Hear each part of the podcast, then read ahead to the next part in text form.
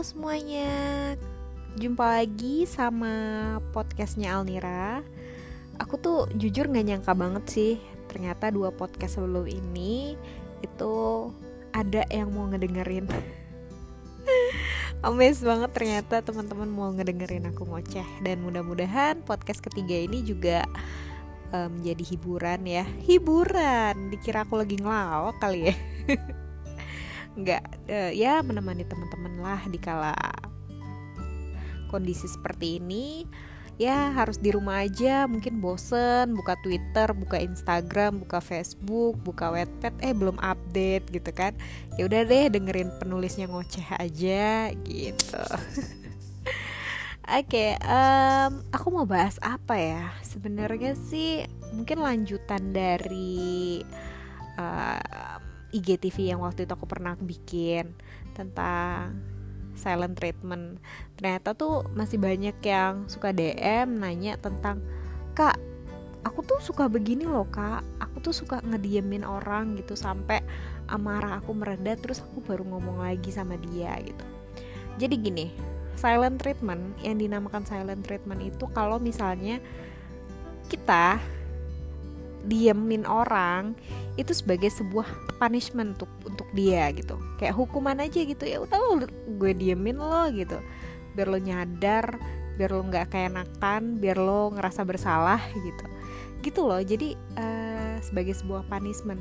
Bukan sebagai kayak aku harus ngambil jarak dulu untuk menenangkan diri nanti setelah ini oke okay, kita bicarakan baik-baik. Nah itu yang benar tuh seperti itu. Karena kalau memang untuk menenangkan diri paling ada menenangkan diri dari amarah yang bergejolak itu ya maksimal ya kalau aku pribadi ya dan orang-orang sekitar aku. Itu maksimal cuma satu hari kok 24 jam gitu. Nggak sampai berhari-hari atau berbulan-bulan gitu. Itu ya punishment aja sih. Dan banyak juga DM-DM yang masuk dari teman-teman yang cerita kalau ada juga orang-orang terdekatnya bahkan sahabatnya yang sering melakukan silent treatment ini. Jadi ngediemin berhari-hari bahkan ada yang berbulan-bulan terus tiba-tiba datang kayak nggak ada masalah aja gitu. Padahal kita yang ngediemin yang didiemin itu uh, ngerasa ih bertanya-tanya selama ini salah gue apa salah gue apa? Tapi ternyata dia da dengan datang tanpa rasa bersalahnya gitu terus uh, ngedatengin kita kayak biasa aja sedangkan kita ngerasa gue salah apa ya? Emang gue pernah salah apa sama lo? Gitu. Kayak gitu loh. Jadi kalau emang itu bukan sebuah punishment ya uh, dan tidak terlalu lama terus abis itu diomongin baik-baik ya udah emang itu uh, cara orang biar ya kan alasannya emang supaya kita tidak marah dan mengeluarkan kata-kata yang kasar gitu loh. Kata-kata yang kasar yang akhirnya ngebuat orang yang jadi uh, objek yang kita uh, objek marahnya kita ini tadi tersinggung gitu. Nah balik-balik lagi ke uh, itu masalah silent treatment ya. Mudah-mudahan udah bisa dipahami karena sebenarnya tuh uh, udah aku jelasin 10 menit juga di IG story gitu. Aku tuh sebenarnya mau bahas tentang eh, lagi-lagi tentang pasangan ya karena aku kan penulis romance gitu kan. Dan kebetulan eh nanti jadi bocoran lagi. Oke, jangan ini skip. jadi aku tuh uh, pengen bahas tentang cowok kasar. Nah, gini selain dari silent treatment pasangan yang suka ngelakuin silent treatment yang aku bilang tuh silent killer uh, tipe-tipe pasangan yang kasar dan suka ngomong entah itu dia ngomongnya kasar atau suka main tangan ya itu termasuk dua-duanya itu ya sesuatu yang menurut aku tidak bisa ditoler ditolerir. Gini uh, banyak yang suka DM sama aku bilang kak hmm, pasanganku tuh kalau marah tuh suka ngata-ngatain aku suka ya ngungkit-ngungkit masa lalu terus eh, nggak uh, jarang juga ada yang DM uh, eh, dia dipukulin sama mantannya segala macem. Eh mantannya pacarnya gitu. Dulu juga pernah dipukulin sama mantannya gitu. Kenapa ya aku harus ketemu sama orang-orang yang seperti ini lagi seperti ini lagi gitu kan? Jadi kitanya trauma gitu loh. Gini kalau cowok kasar ya uh, entah itu fisik entah itu dari secara verbal menurut aku ya udah nggak ada harapan lagi. Karena jangan harap mereka bakalan berubah gitu loh. Apalagi cuma karena cinta. Aduh kalau menurut aku ya cinta itu kalau nggak dipupuk ya lama-lama juga bisa ya namanya tanaman nih cinta kan tumbuh ya. Kalau nggak disiram nggak dikasih pupuk ya lama-lama juga layu dan mati gitu kan apalagi yang dari awal uh, masalah cintanya ini tadi kita menolerir sesuatu yang sudah berhubungan sama prinsip gitu kan. Kekerasan gitu kan. Itu kan sesuatu yang kalau menurut aku tidak bisa ditolerir. Kalau misalnya dia contoh suka apa ya hmm, suka main game gitu terus terus agak-agak cuek dikit jadi kalau pas sudah main game. Ya kalau menurut aku sih itu masih bisa dikomunikasikan dan ya udah sih nggak selamanya dia harus uh, apa di samping kita terus nggak selamanya dia harus ngobrol sama kita terus dia kan punya kehidupannya sendiri. Itu beda ya. Tapi kalau udah bicara tentang kasar waduh jangan dimaklumi deh kalau menurut aku. Itu banyak banget ya uh, teman-teman yang DM terus juga aku banyak-banyak baca di Twitter juga tentang uh, kekerasan ini gitu. Pemakluman pemakluman yang kita berikan kepada pasangan kita karena uh, dia ya udahlah aku cinta sama dia dia tuh sebenarnya sayang sama aku. Cuma ya emang dia gitu aja. Oh, how how, how aku gemes nih sama orang yang kayak gini maksud aku please deh ya cinta itu boleh tapi cinta itu jangan bedakan buta sama bego ya. Buta sama bego. Ya cinta itu nggak buta dan nggak bego sebenarnya. Kalau kita bisa bisa pakai logika gitu loh. Gitu. Jadi ya udah kalau misalnya itu sudah udah tinggalin aja. Apalagi yang suka ngata-ngatain ngata-ngatain fisik.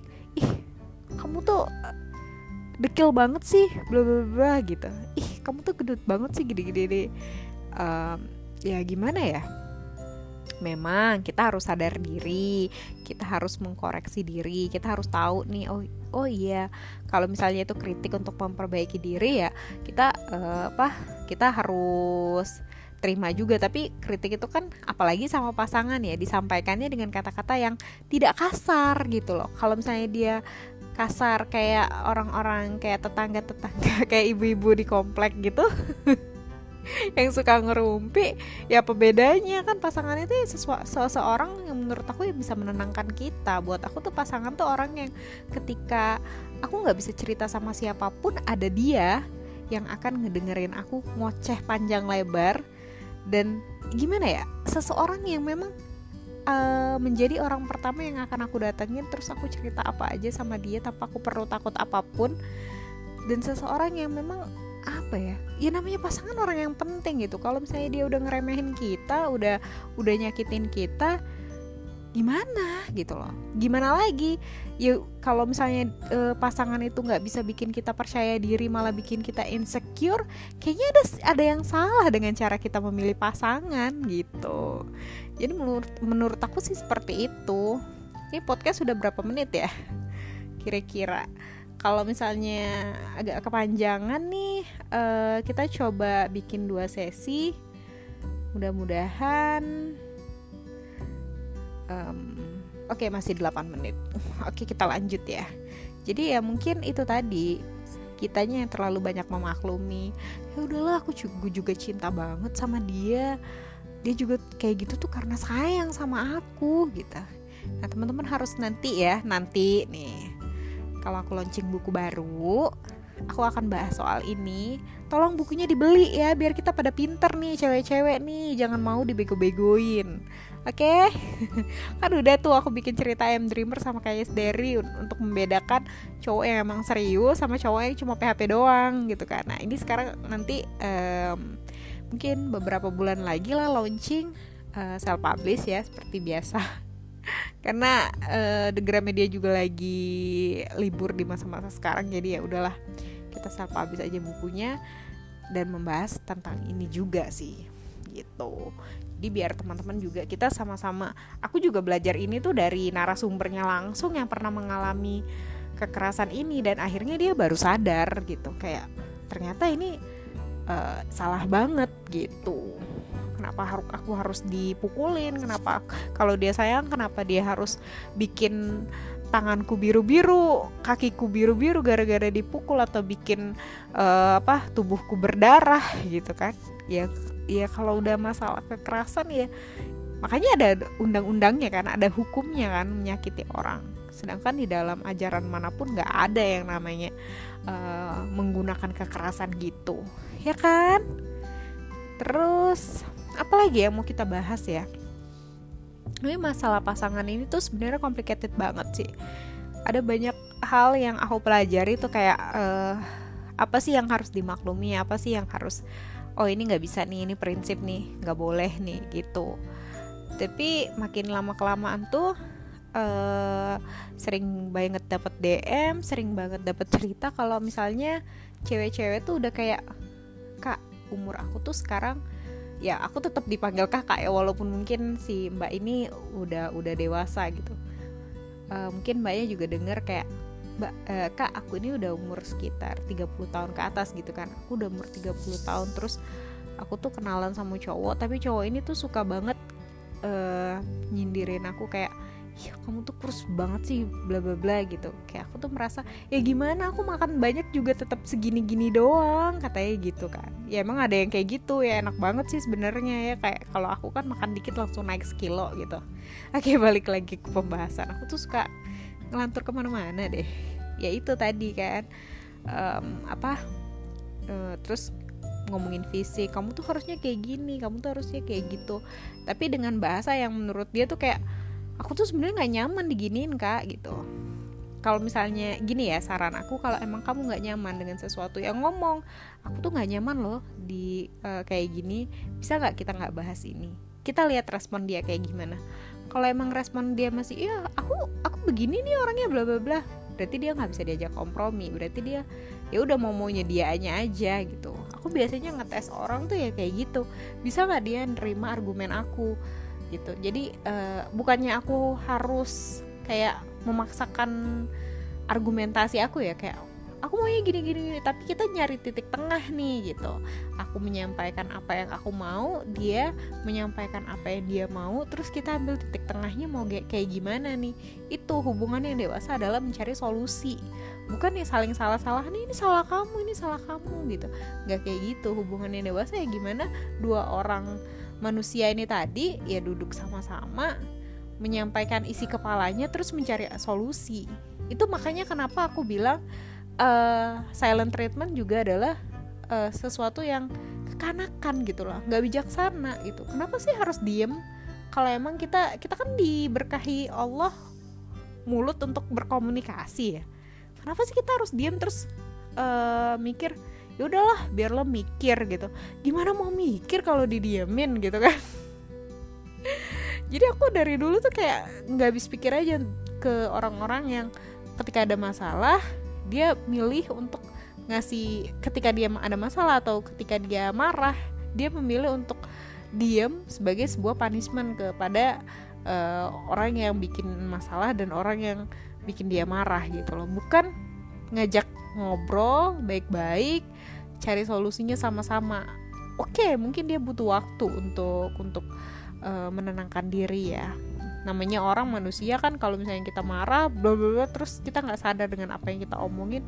Tapi setelah itu kan setelah kita lari dulu untuk meredakan emosi kan setelahnya kita bisa ngomong baik-baik kan. Ya nggak sih? Oke. Okay. ya udah panjang banget nih pembahasan malam hari ini. Ya aku ngerekamnya malam ini gabut banget soalnya.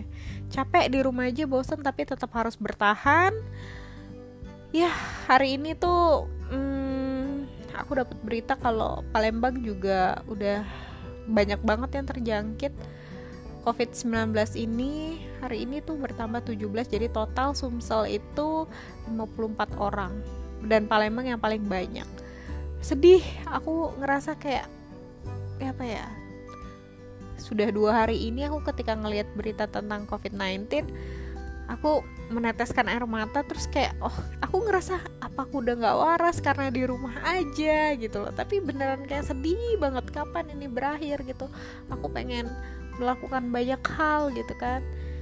Ya tapi ya gimana ya kita cuma bisa berdoa sama Allah mudah-mudahan ini segera berlalu. Oke itu aja ya. Sampai jumpa di podcast podcast selanjutnya Terima kasih udah ngedengerin. Dadah.